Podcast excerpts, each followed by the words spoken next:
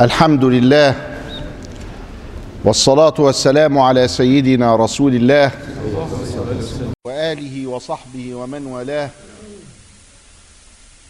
اللهم اغفر لنا ذنوبنا ولا تجعل في قلوبنا غلا للذين آمنوا.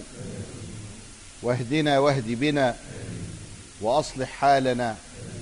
واجعلنا ممن يستمعون القول فيتبعون أحسنه.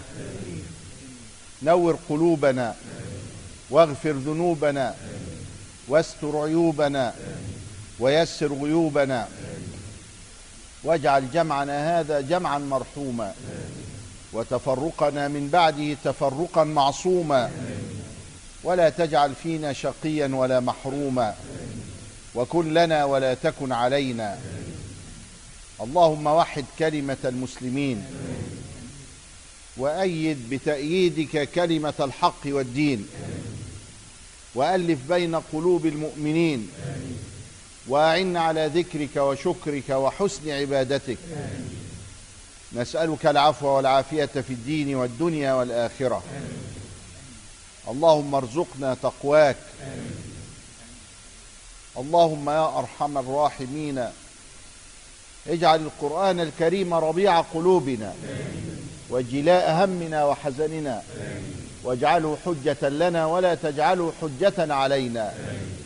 علمنا منه ما ينفعنا وانفعنا بما علمتنا. وأقمنا بالحق وأقم الحق بنا. اللهم نعوذ بك من العجز والكسل. اللهم نعوذ بك من الخطأ والخطيئة. اللهم نعوذ بعفوك من عقوبتك وبرضاك من سخطك. وبك منك لا نحصي ثناء عليك أنت كما أثنيت على نفسك. قال رضي الله تعالى عنه ونفعنا الله بعلومه في الدارين آمين. لا تطلبن بقاء الواردات بعد أن بسطت أنوارها. وأودعت أسرارها. فلك في الله غنى عن كل شيء وليس يغنيك عنه شيء. السالك في طريق الله يسلك إليه سبحانه وتعالى بالذكر والتربية والخلوة. الذكر أصله فاذكروني أذكركم. واشكروا لي ولا تكفرون. والذاكرين الله كثيرا والذاكرات. واذكروا الله كثيرا لعلكم تفلحون. الذين يذكرون الله قياما وقعودا وعلى جنوبهم ويتفكرون في خلق السماوات والأرض. ربنا ما خلقت هذا باطلا سبحانك فقنا عذاب النار. أما أصل التربية الحمد لله رب العالمين لأنه يربيك. والتربية يقول فيها رسول الله صلى الله عليه وسلم إنما بعثت لأتمم مكارم الأخلاق. ويقول يا معاذ عليك بحسن الخلق. وروى الحسن عن أبي الحسن عن جد الحسن صلى الله عليه وآله وسلم قال أحسن الحسن الخلق الحسن. وهو يسمى المسلسل بالحسن لأن فيه السند قال حدثنا شيخنا وكان صوته حسنا. حدثنا شيخنا وكان ثوبه حسنا. حدثنا شيخنا وكان علمه حسنا. حدثنا شيخنا وكان وجهه حسنا. يعني يلتمس الحسنى من أي جهة كانت في السند. مسلسل قل ما على وصف أتى مثل أما والله أنباني الفتى. كذاك قد حدثنيه قائما أو بعد أن حدثني تبسما. مسلسلات. حتى ولو كان في سندها ضعف إلا أنها يؤخذ بها في مكارم الأخلاق كشأن حديث الحسن هذا. أحسن الحسن الخلق الحسن. فالأخلاق الحسنة منصوص عليها. وقولوا للناس حسنا وأقيموا الصلاة. يعني القول بالحسنى يبقى قبل الصلاة. فالتربية أساس من أسس طريق الله. والخلوة أساسها أن النبي صلى الله عليه وسلم كان يتحنث الليالي ذوات العدد في غار حراء فأخذوا منها الخلوة. وأصل ذلك أيضا الاعتكاف. فالله سبحانه وتعالى شرع أن نعتكف بالبيت الحرام وبمساجده خاصة في العشر الأواخر من رمضان إلا أن الاعتكاف مشروع ومطلوب في سائر السنة ومنه الخلوة. حتى يقطع أو يساعد ذلك العبد على أن يقطع العلائق مع الدنيا ويتوجه بقلبه إلى الله فيملأ قلبه إيمانا ونورا ثم يعود لعمارة الدنيا ومخالطة الناس بعد ذلك على ما أراد الله. فالذكر والتربية والخلوة هي أساس الطريق. عندما يذكر الإنسان ويذكر الله كثيرا ويجلس في مجالس الذكر والنبي صلى الله عليه وسلم أكد على مجالس الذكر حتى إن أبي كان له مجلس للذكر فجاءه وقال له يا رسول الله أأجعل لك ثلث مجلسه؟ أأجعل لك نصف مجلسه؟ أأجعل لك مجلسي كله؟ قال إذا كفيت ووقيت يعني في الصلاة على النبي صلى الله عليه وآله وسلم. فكانوا يجلسون للذكر. فرادى وجماعات. ومر النبي صلى الله عليه وسلم وقال إذا مررتم برياض الجنة فارتعوا. قال وما رياض الجنة يا رسول الله؟ قال حلق الذكر. إذا المسلم إذا ذكر ربه وأكثر من الذكر فإن لسانه يجف ورسول الله صلى الله عليه وسلم يقول في ذلك الجفاف لا يزال لسانك رطبا بذكر الله. يعني الجفاف ده جفاف في الظاهر فقط لكن حقيقته عند ربك أنه من الرطوبة كخلوف فم الصائم أحب عند الله من ريح المسك هو الخلوف ريحته وحش لكنه عند الله هو أطيب من ريح المسك ودم الشهيد أحب عند الله من ريح المسك الدم بيتغير وريحته بتتغير وتبقى وحش لكن ده وحشة في مناخيرك بس. لكن عند الله هذا الذي جاد بنفسه في سبيل الله هو في الجنة ليس بينه وبين الجنة إلا خروج الروح. إذا في ظاهر وفي حقيقة عند الله. هذه الحقيقة أن لسانك إذا جف فهو رطوبة. يبقى تزيل هذه الرطوبة ولا تبقيها؟ فالإمام الشافعي بيقول لك تبقيها. فما تتسوكش بعد الزوال وأنت صائم. عند الشافعية كده. مكروه أن تزيل ذلك الخلوف أو الخلوف لغتين بالسواك كده اهو. ليه؟ قال لأنه أحب عند الله من ريح المسك كأنك إذا أبقيته أبقيت ما هو حبيب عند الله أكثر من ريح المسك. كذلك قال أهل الله في الريق الناشف بعد الذكر. استنى شوية ما تشربش لمدة تلت ساعة. ومن لك ولد من الإخوة. يقول لك الله. جايبينها منين؟ وين دليلك؟ وين؟ ها؟ عشان يقول لك انت جاي منين الحتة دي. وين دليلك؟ دليل اهو افهم الكلام. ما هو في فرق بين ما هو قال له إيه؟ نحن الأطباء وأنتم الصيادلة. يعني انت هات لي الحديث بس وأنا أفهمه. في فرق بين الحديث وبين فهمه وما يترتب عليه.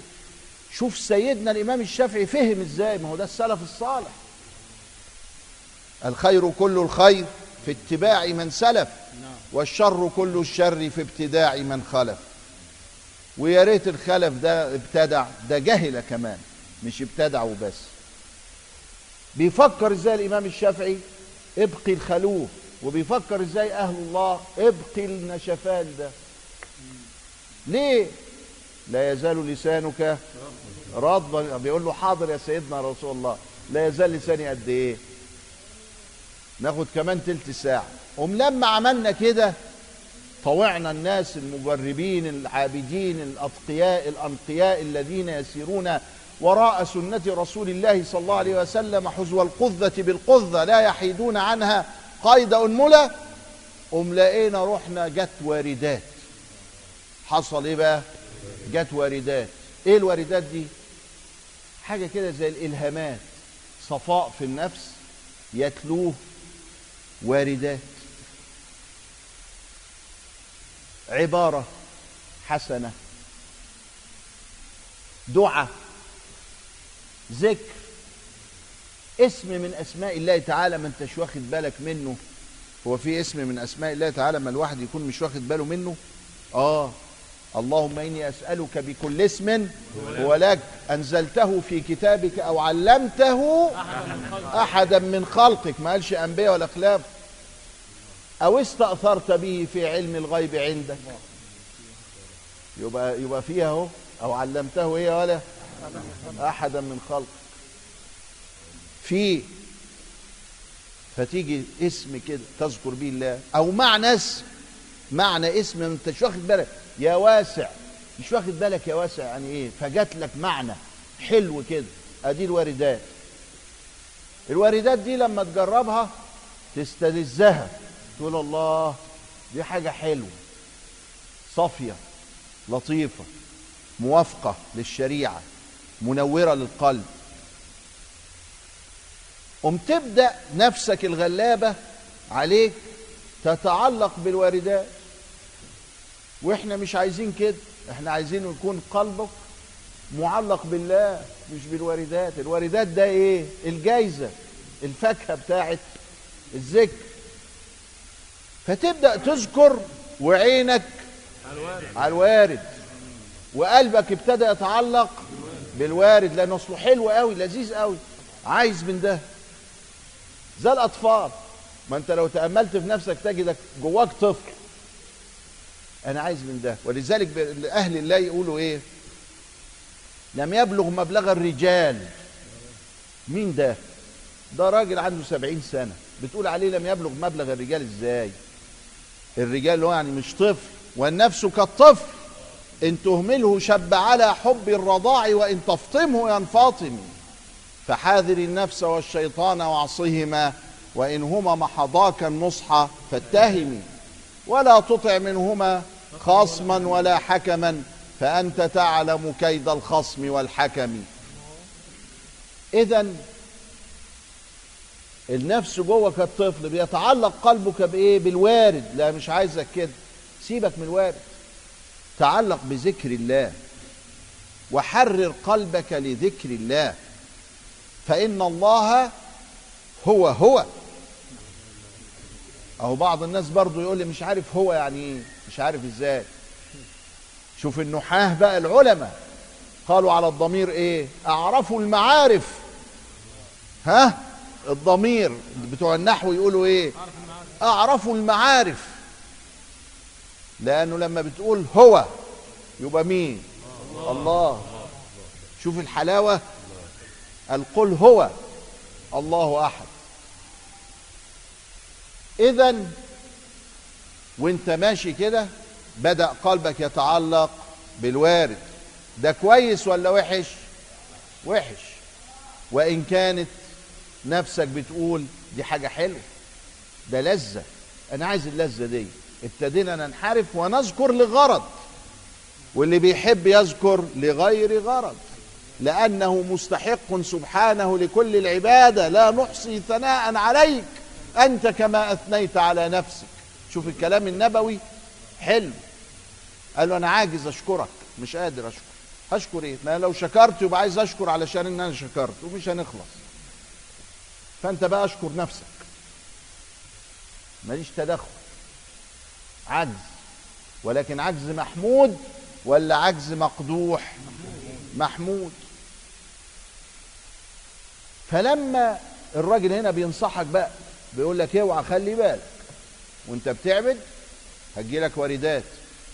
هتستلذ بيها. من ضمن الترقي لما ربنا يحب يرقيك يقطع الوارد عنك. عشان يشوف هتتضايق ولا هتستمر. الطفل الصغير يتضايق ويعيط. ما هو ما عطولوش الشوكولاتة بتاعته. الراجل الكبير يفهم إنه آه ده ترقي. فيذكر الله زي عادته ما هو ما يقطعش بقى. ويذكر الله لا لغرض. الوارد.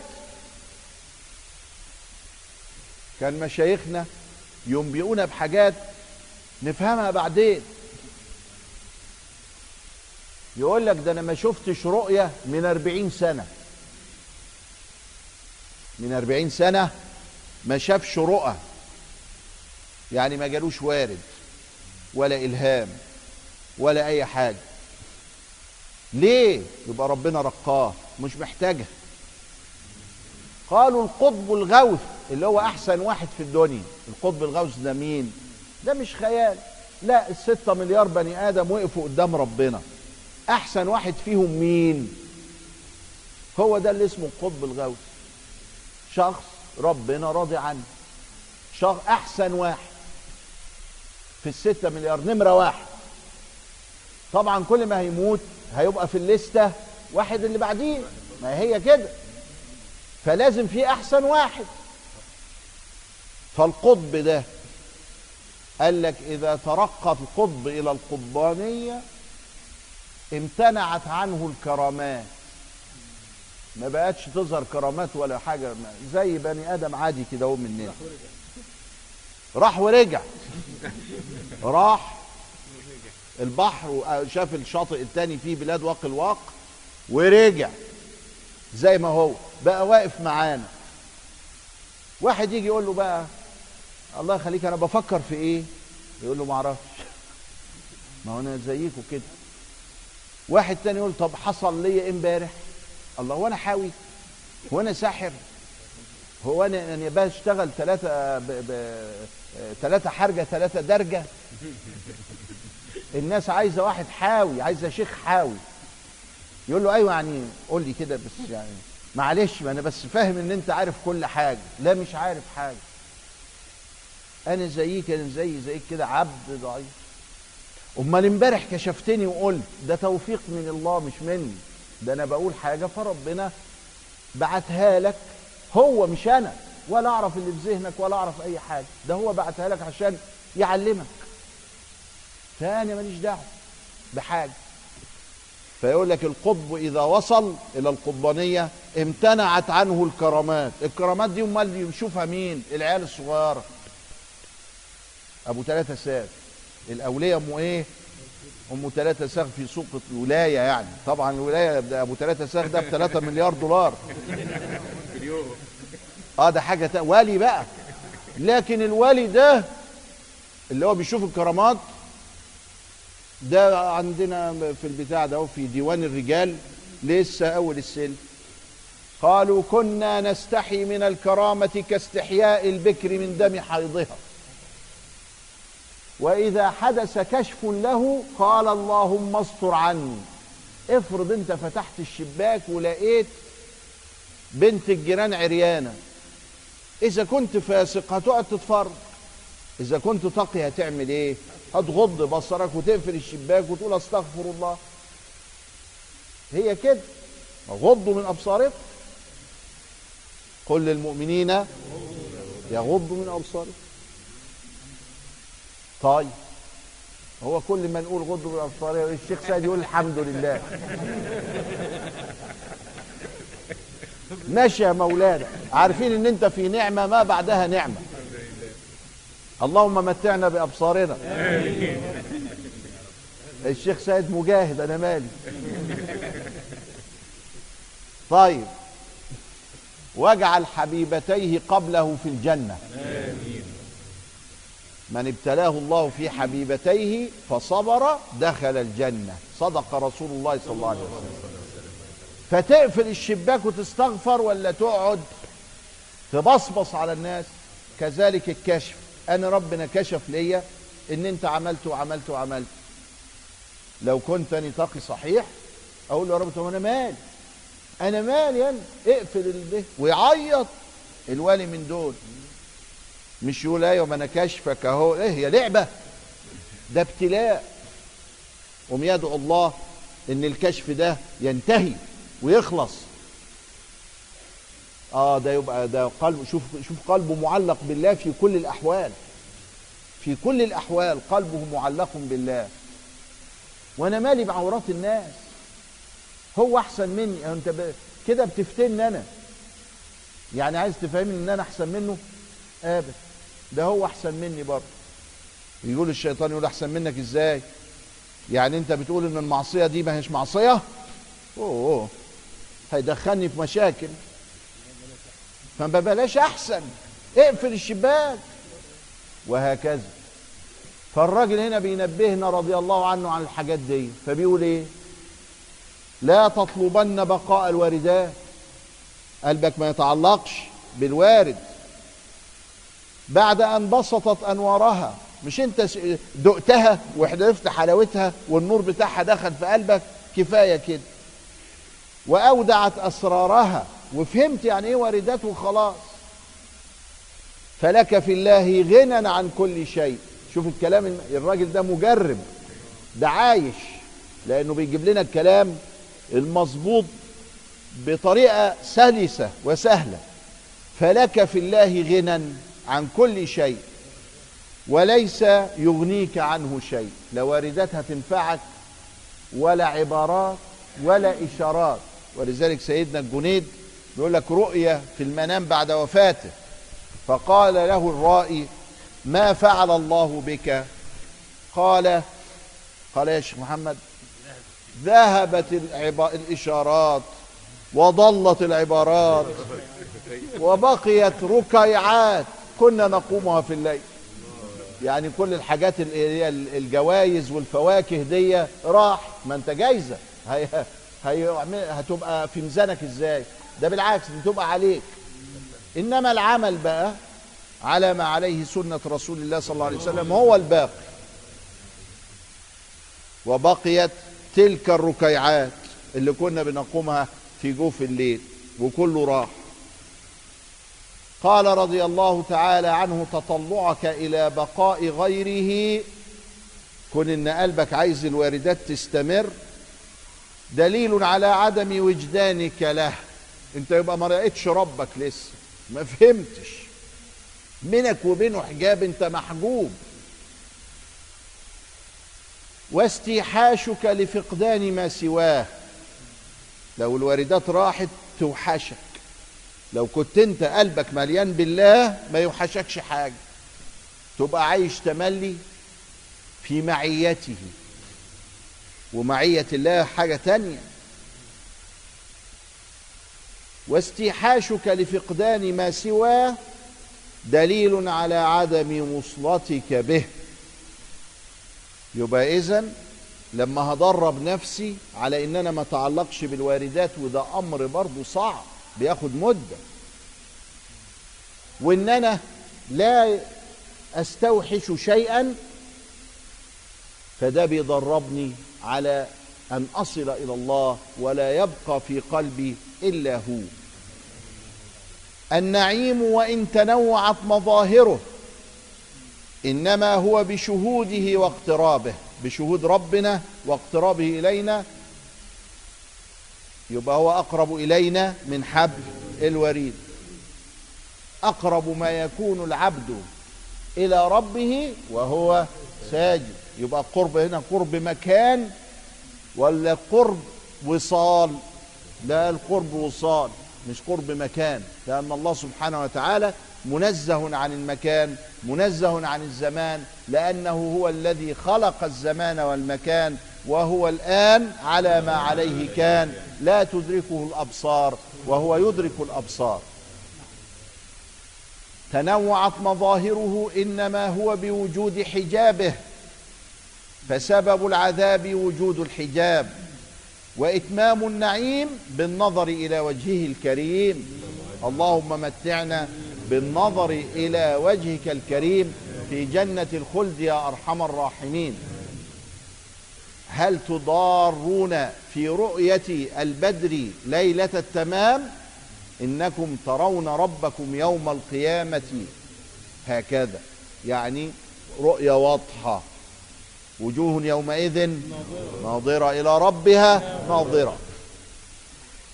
ما تجده القلوب من الهموم والأحزان فلأجل ما منعت من وجود العيان. يبقى ما شهدتش الحضرة القدسية.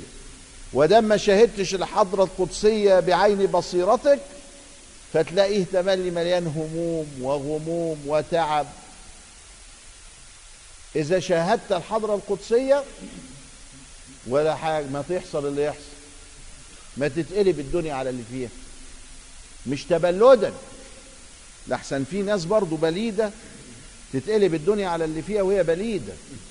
ده مش تقوى دي أبدا. ده كده يقول لك وأنا مالي؟ غاب الطابط غاب الطابط إزاي؟ قال ما تتحرق. ده بليد ده.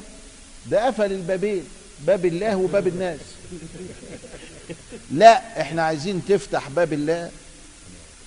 وترى الله ويحدث هذه الرؤية في قلبك همة لكن ما يحصلش هم. شوف الفرق بين الهم والهم. الهم جمعها هموم يعني أحزان وكآبة. والهمة همم زي قمم. شوف إزاي؟ الهمم توصلك إلى القمم لكن الهموم توصلك إلى الغموم. ما الهموم والغموم. واحد. ليقل ما تفرح به. ما تفرحش كتير قوي كده بالأشياء والأشخاص والأحداث وتبقى فرحان ولاهي عن ذكر الله. ما هو كله دي حجب. يقل ما تحزن عليه. اللهم اجعل الدنيا في أيدينا ولا تجعلها في قلوبنا. فإنه لما يجعلها في قلوبنا وفقدت منا في داهي ولا يحصل حاجة لا يفرح بالموجود ولا يحزن على المفقود. قال رضي الله تعالى عنه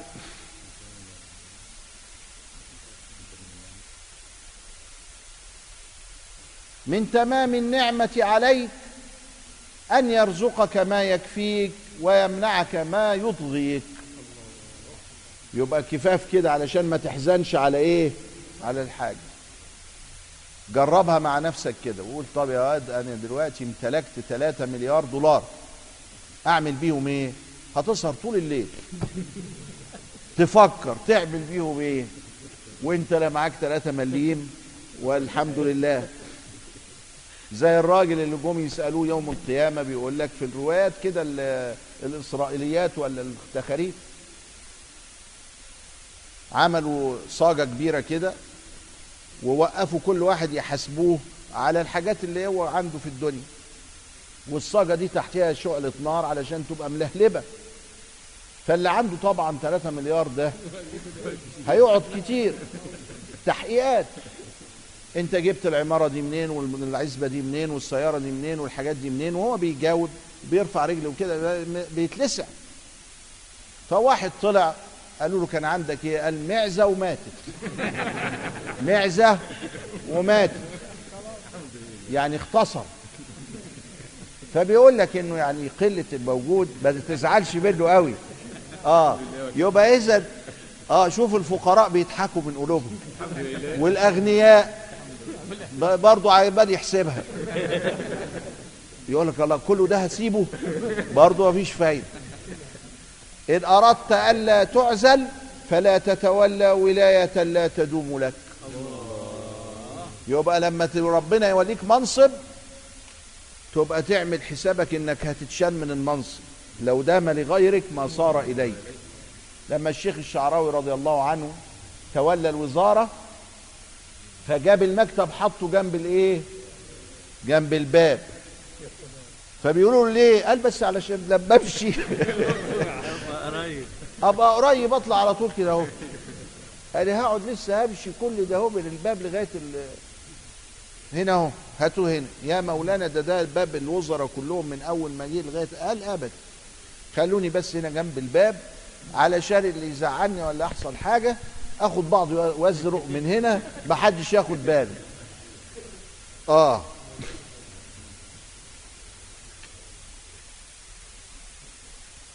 إن رغبتك البدايات زهدتك النهايات. ما هو في البداية الواردات جايالك فبترغبك والكرامات شغالة فبترغبك. وبعد لما تعرف الحقيقة وإن الحاجات دي كلها زائلة وإن الأمر إنما هو لله قمت زاهدك فيها. تقول له أنا اعمل بها إيه ده كله ده؟ ده شاغل. ده ربنا يكون في عوني. إن دعاك إليها ظاهر نهاك عنها باطن. اللذة بتاعه الواردات والكرامات بتدعوك في الظاهر. والفهم الصحيح للقضية أنه لا يبقى إلا وجه الله وأن كل شيء هالك إلا وجهه وانه من عليها فان إلا هو. تفهم كده وتفهم إن الله هو الأساس والأصل بتاع كل حاجة يبقى ده الباطن ده الحقيقة يعني ولذلك هتزهد في كل هذه المظاهر. إنما جعلها محلا للأغيار. آدم بيقول جعلها يبقى الدنيا يعني. جعلها مين دي جعلها دي؟ جعلها يعني الدنيا اللي إحنا فيها. محلا للأغيار. الأغيار على وزن غبار. والأغيار الحاجة المتغيرة بتتغير بتتقلب. والأغيار ما سوى الله. لما ما سوى الله هالك تبقى الأغيار هالك لها بداية لها نهاية لا تدوم على حال. ومعدنا للاكدار يموت واحد عزيز علينا نعايط وساعات يصوتوا وساعات يلطموا وفعلا مصيبة. جيني واحد يقول لي ده وعدني إن هو هيديني ما خلاص مات. أخد اللي أنا وعدته ده من الميراث. لا طبعا ده مومات فأصابتكم مصيبة الموت. علم أنك لا تقبل النصح تزهيدا لك فيها. يعني علشان تزهد في الدنيا وتعرف إنها ليست محلا للاستقرار بل هي للأغيار وأنها ليست محلا للأنوار بل هي للأكدار. علم أنك لا تقبل النصح المجرد. لما يقعد ينصحك مجرد كده تقتنع من هنا وتطلع تعمل برضو الحالة المقلب اللي أنت بتعمله. فذوقك من ذواقها ما يسهل عليك وجود فراقها. فراح منزلك شوية مصايب كده عشان تتعلم عشان تتأدب. لأنك ما أنتش هتشتغل بمخك على طول. فين المثال؟ تتقرص شوية في المال تتقرص شوية في الحياة تتقرص شوية في قوم تزهد فيها تزهق تمل. تقول أوف بس مش للوالدين إنما أوف هنا إيه؟ للدنيا.